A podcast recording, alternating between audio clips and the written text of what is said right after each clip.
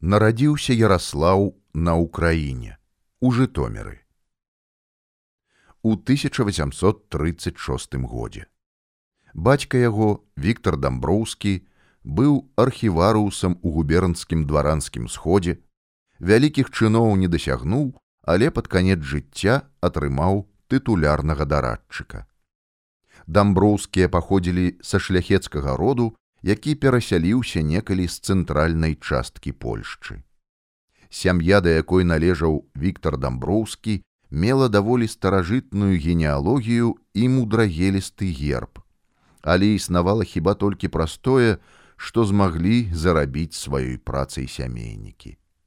Маці Ярослава Соф'я паходзіла з паланізаванага і збяднелага атожылка курлянскіх дваранаў фалькенгагенаў залескіх. Выбіцца з сярэдняга дастатку і дасягнуць нейкага прыстойнага становішча ў грамадстве змог адзін хіба брат Пятро. Ён, скончыўшы крамянецкі ліцэй, пачаў працаваць чыноўнікам у Петербурзе. Але пасля польскага паўстання 1830-1831 гадоў эміграваў і жыў у Лондоне, Парыжы, Берліне, Дрэздане, дзе займаўся навуковымі, выдавецкімі і камерцыйнымі клопатамі.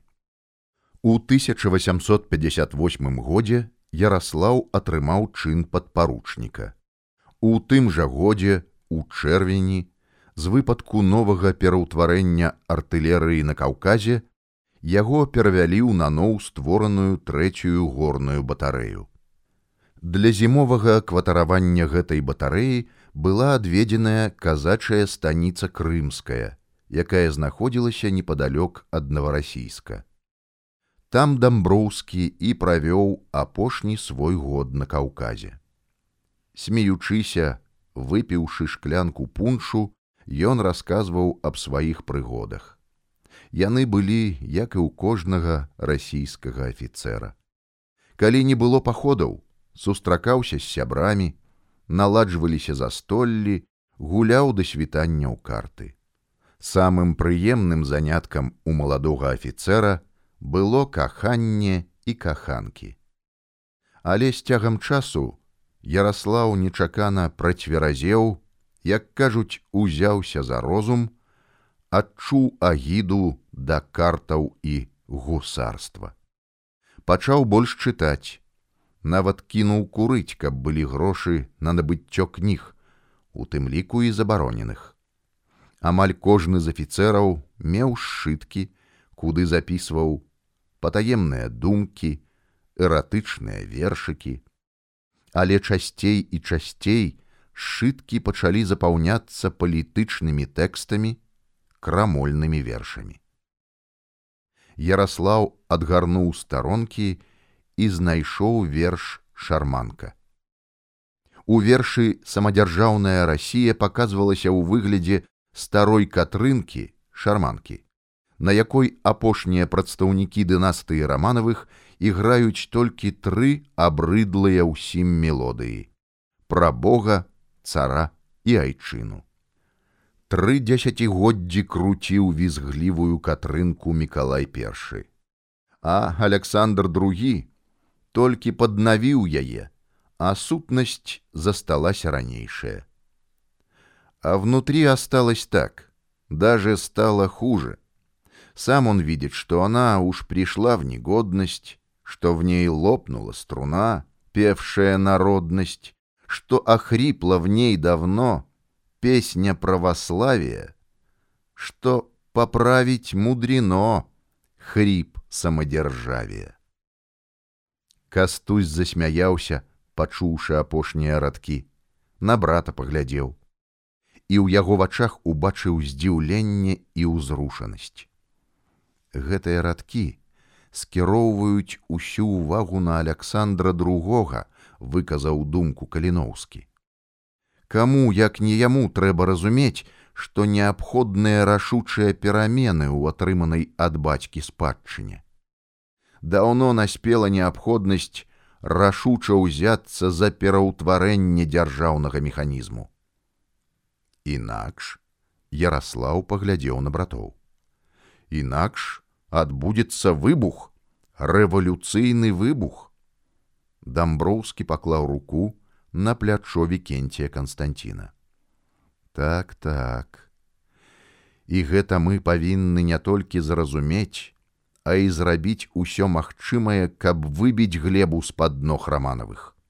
Трэба новы ветер, буран, завіруха, якія б знеслі з твару зямлі ўсё старое і гнілое, каб свежы ветер запанаваў на вольнай зямлі. Ярослаў, як ты добра сказаў, усё старое і гнілое, каб свежы ветер запанаваў на вольнай зямлі. Гэта не мае асабістыя думкі. Так гавораць герцн, дабралюбаў, і гэта ўсё выкладзена ў іх артыкулах, якія яны друкавалі ў савременніке, у колакале. Во што герцн піша ў колакале ў артыкуле Расія і Польшча. Я перакананы, што з крымскай вайны Расія ўваходзіць у новую эпоху развіцця. І яшчэ. Польшча, як Італія, як Венгрыя, маюць неад'емнае поўнае права на дзяржаўнае існаванне незалежнае ад рассіі так як і вашая літва Беларусь. Ярослаў усхваляваны падняўся з канапы падышоў да акна. Гледзячы ў цемраць ночы гутарка апантаных рэвалюцыйна настроеных людзей зацягнулася за поўнач уздыхнуў Я вельмі добра ведаю горцаў. Мужны і свабодалюбівы народ. Я пасябраваў з многімі, і яны не бачылі ўва мне ворага. Цар выступае ў адносінах да горцаў у якасці захопніка, парабаціцеля, прыгнятальніка, выконвае тую ж ролю, якую адвёў сваім войскам на польскіх землях. Ярослаў выказваў свой боль, які накапіўся ў ім за шмат гадоў, калі ён служыў на каўказе. Не адразу прыйшоў малады афіцэр да такой высновы. Набыў новы палітычны зрок толькі пасля таго, як сышоўся з ветэранамі польскага і рускага вызваленчага руху, якіх Миколай першы адправіў на каўказ. А там без перапынкаў ішлі баі. Толькі ў 19 пяхотнай дывізіі, з часцямі якой дзейнічала 19 артылерыйская брыгада, знаходзіўся декабрыст судгов, удзельнікі паўстання 1830 31 гадоў ваякоўскі і важынскі. Яшчэ былы віленскі студэнт каратынскі, які ўваходзіў у склад канспіратыўнай арганізацыі, створанай шыманам канарскім, мінскі гімназіст Лянкевіч, якога прызвалі ў войска ў 1851 годзе толькі за тое, што ён на вачах у многіх ножом спаласаваў партрэт цара бацюхны. З імі служыў яшчэ Кузьмін караваяў, афіцэр царскай арміі. Ён спрабаваў вызваліць з турмы польскага рэвалюцыянера шымана канарскага. Пастаўленыя пад царскае ружжо петрашэўцы, мамбелі, гагарын, галавінскі і дзясяткі і дзясяткі іншых удзельнікаў польскага вызваленчага руху тридцатых пятидесятых гадоў. З многімі малады афіцэр меў самыя цесныя стасункі. З многімі пасябраваў, бо яны ўбачылі ў ім аднадумца. Дзве мары дарогі былі ў маладога афіцэра. Першая, як мага лепш авалодаць ваеннай спецыяльнасцю. Другая аддаць усе свае сілы разгрому сацыяльнага, нацыянальнага, рэлігійнага прыгнёту. Таму ён прымае рашэнне, паступаць у ваенную акадэмію.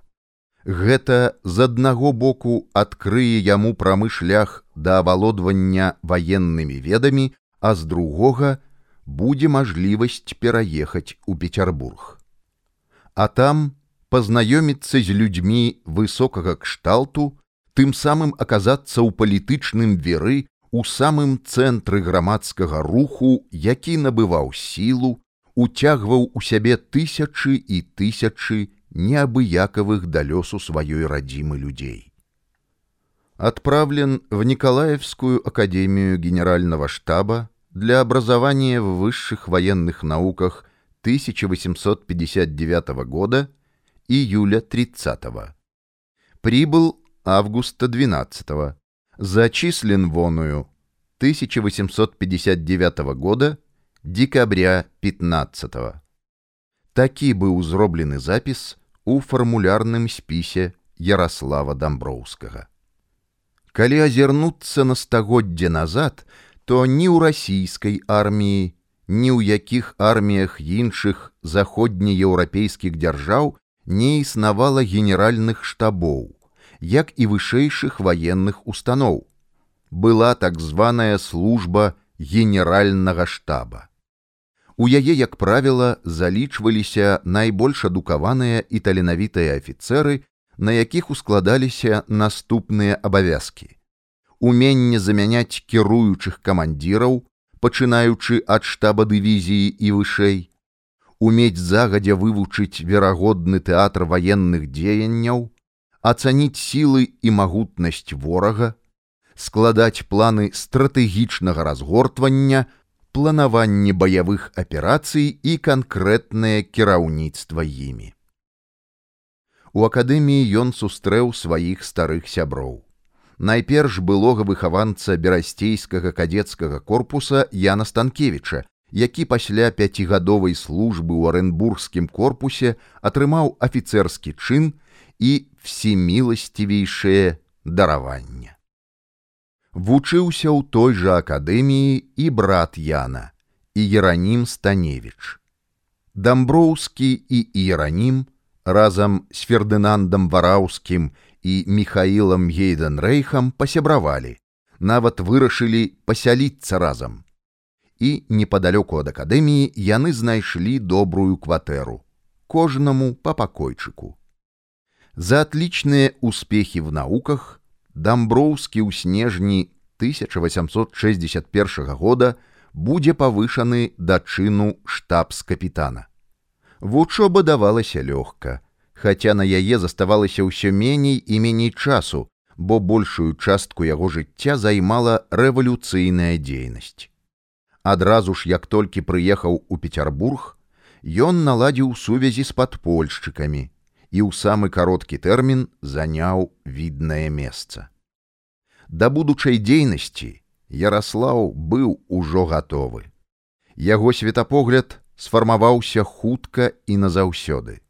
Яго радавала, што актыўныя дзеячы падполля былі ягонымі сябрамі ці то яшчэ па берасцейскім кадецкім корпусе ці па каўказе, і ў дадатак да ўсяго ён займеў іх і ў Петербурзе. Зыгмунд Ігнатавіч Серакоўскі, як і Ярослаў Дамброўскі, нарадзіўся ў жытомеры а з 1845 года вучыўся ў петербургскім універсітэце, а на летнія вакацыі 1847 года прыязджаў у вільню.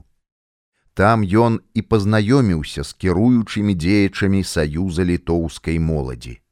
А вярнуўшыся з арэнбургскай высылкі ў 1856 годзе, Зыгмунд на наступны год паступае ў акадэмію генеральнага штаба. Там ён разам са сваімі бліжэйшымі сябрамі савіцкім, станкевічам, дабравольскім, лявіцкім, ейнцам, навіцкім стварыў рэвалюцыйны гурток афіцэраў генштабістаў. У серакоўскага быў талент сыходзіцца з людзьмі.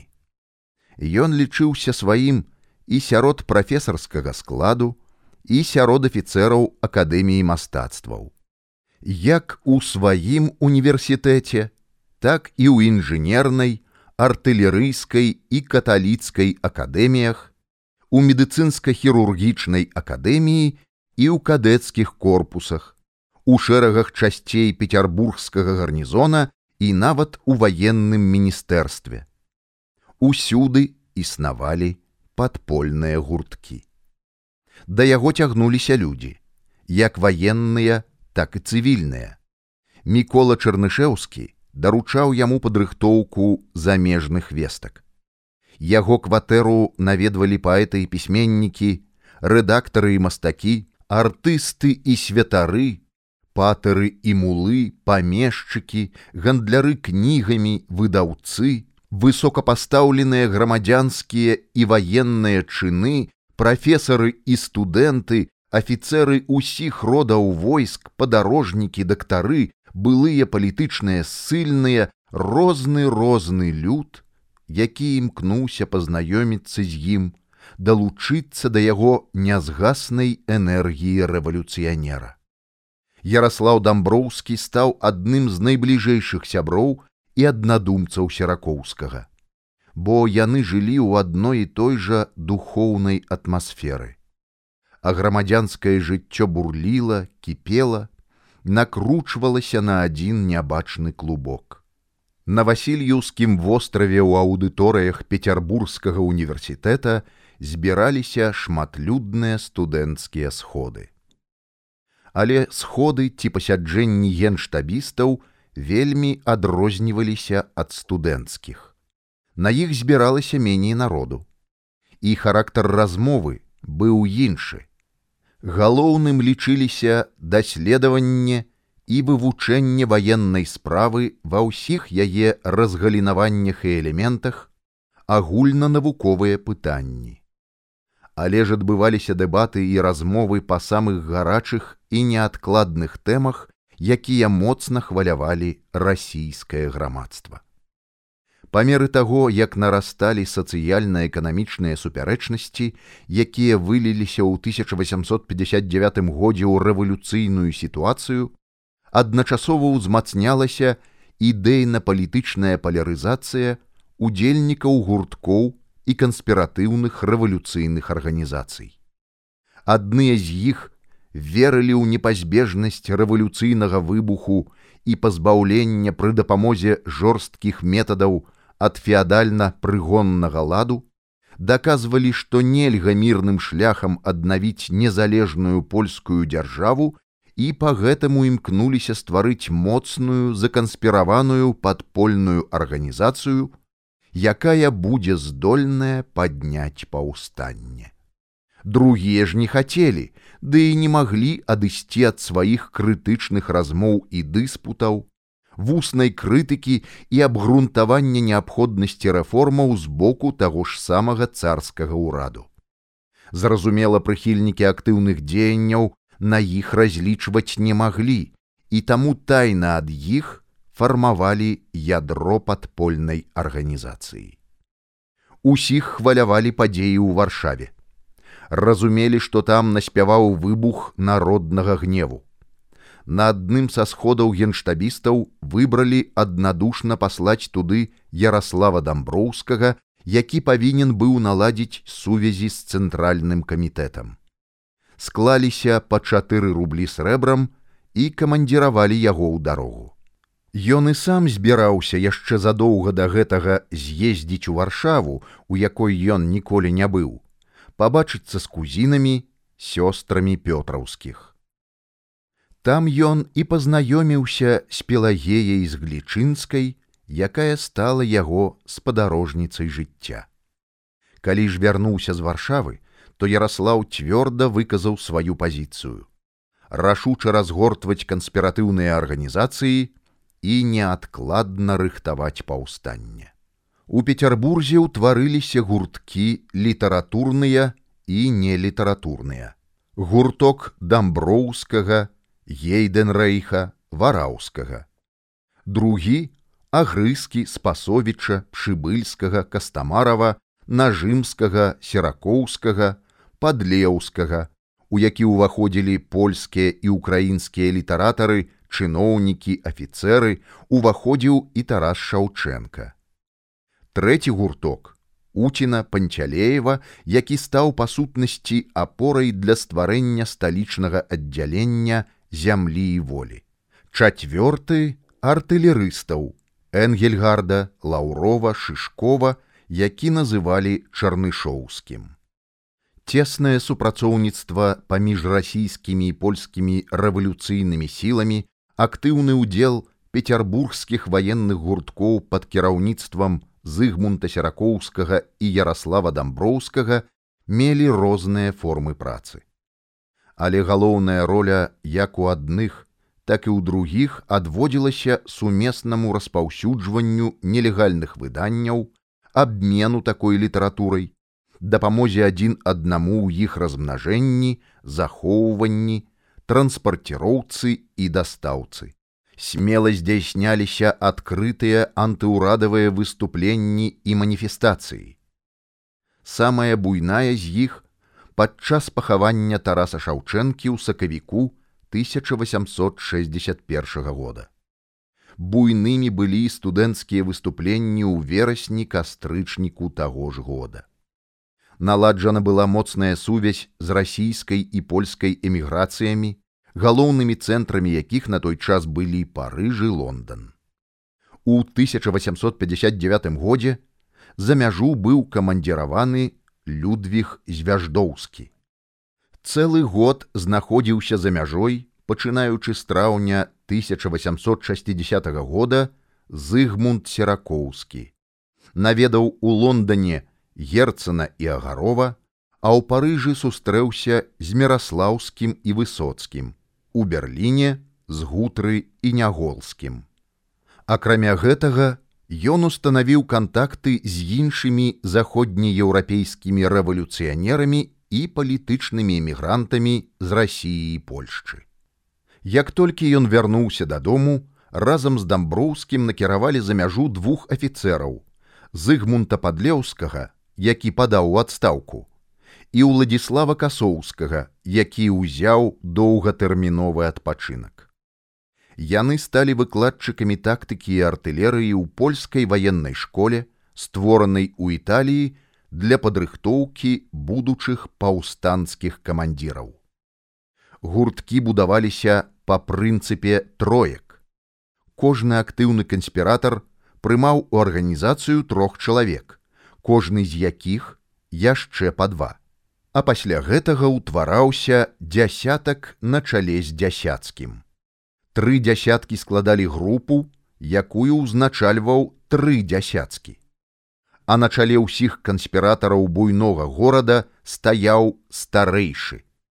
У Петербурзе гэтая пасада дасталася серакоўскаму. За два гады старшынства ў рэвалюцыйнай дзейнасці Ярослаў Дамброўскі прарабіў тытанічную працу для павелічэння колькасці пецярбургскіх ваенных гурткоў. Ён імкнуўся, каб усе рэвалюцыянеры ідэйна загартоўваліся, умацоўвалі федаратыўныя сувязі між сабой, акрамя гэтага пашыралі кантакты ваенных арганізацый з вызваленчым рухам у краіне з польскімі, літоўскімі і беларускімі рэвалюцыянерамі, якія знаходзіліся за мяжой.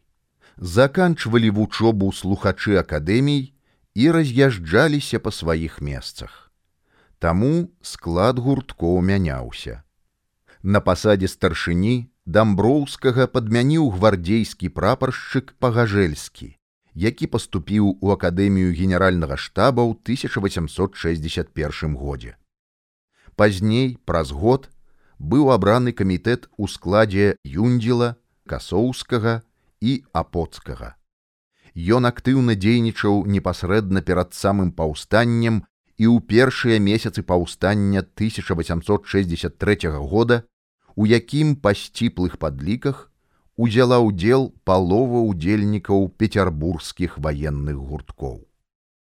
Скончыўшы акадэмію, Ярослаў Дамброўскі мог дабіцца высокіх ваенных чыноў. Мог быць прыкамандзіраваным да генеральнага штаба, мог бы мець высокую пасаду ў Петербурзе. Але ён, сябар і паплечнік Віктара і Канстанціна Каліноўскіх, далучыўшы іх да святой рэвалюцыйнай справы, мусіў адправіцца ў самую гушчыню падзей, як найхутчэй уключыцца ў вызваленчую барацьбу. Бо ў ім жылі высокая грамадзянская свядомасць, доўгі абавязак перад сябрамі, перад народамі, якія прагнулі вызвалення ад ярма царызму.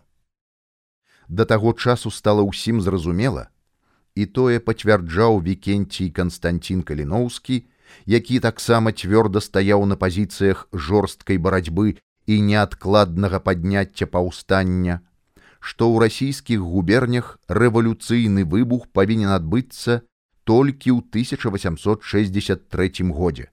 Менавіта ў той час, калі ў сялянаў скончыцца тэрмін так званага часова абавязанага стану. Царства польскае на той час з'яўлялася той часткай расійскай імперыі, якая напамінала парахавую бочку. Вызваленне роднага народа, вызваленне ўсёй рассіі залежала цяпер толькі ад таго, як будуць разгортвацца падзеі на польскіх землях.